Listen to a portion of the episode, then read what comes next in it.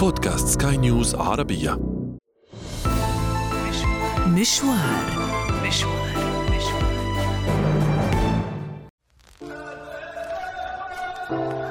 دوري. دوري في شمال أفريقيا مدينة بحرية بامتياز. كانت لوقت قريب جسرا سياحيا فالكثير من السياح كانوا لا يقيمون فيها. ويتخذونها معبرا إلى مدن أخرى أو يتركونها محطة أخيرة للعودة منها إلى إيطاليا. لكنها في السنوات الأخيرة كانت من بين أهم محطات جذب السياح خاصة الأوروبيين.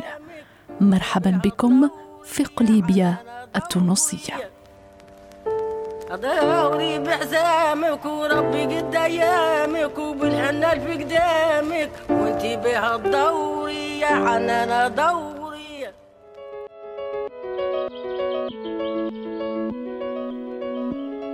تقع في ولاية نابل في الشمال الشرقي لمدينة تونس العاصمة. هي ثالث مدن ولاية نابل بعد مدينتي نابل والحمامات وتعتبر أهم مرفأ صيد في تونس إذ يصل إنتاج المرفأ 15 ألف طن سنوياً. ستقدر بشكل خاص هدوء المدينة خاصة إذا زرت مكانا مثاليا للاسترخاء هو شاطئ المنصورة على بعد كيلومترين شمال المدينة رمال بيضاء ساحرة مع انعكاسات فضية تتشابك مع بحر مياهه صافية ودافئة.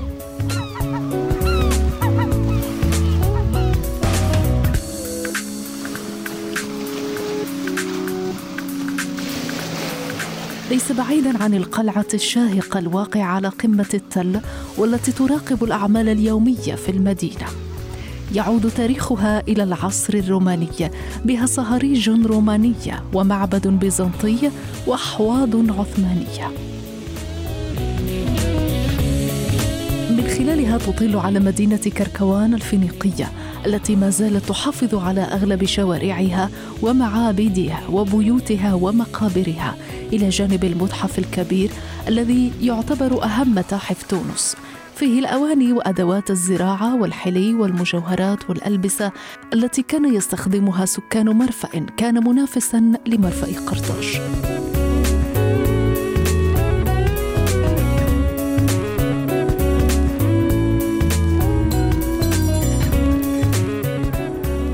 لمقاهي قليبيا المطل على الميناء سحر خاص.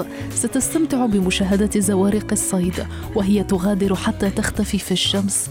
قبل العودة فجرا لتقدم لك المطاعم مأكولات بحرية لذيذة وطازجة.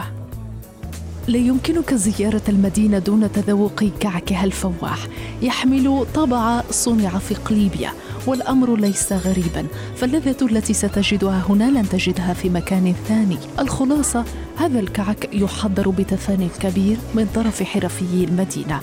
ليس عاديا فله تاريخ عريق كبرج قليبيا.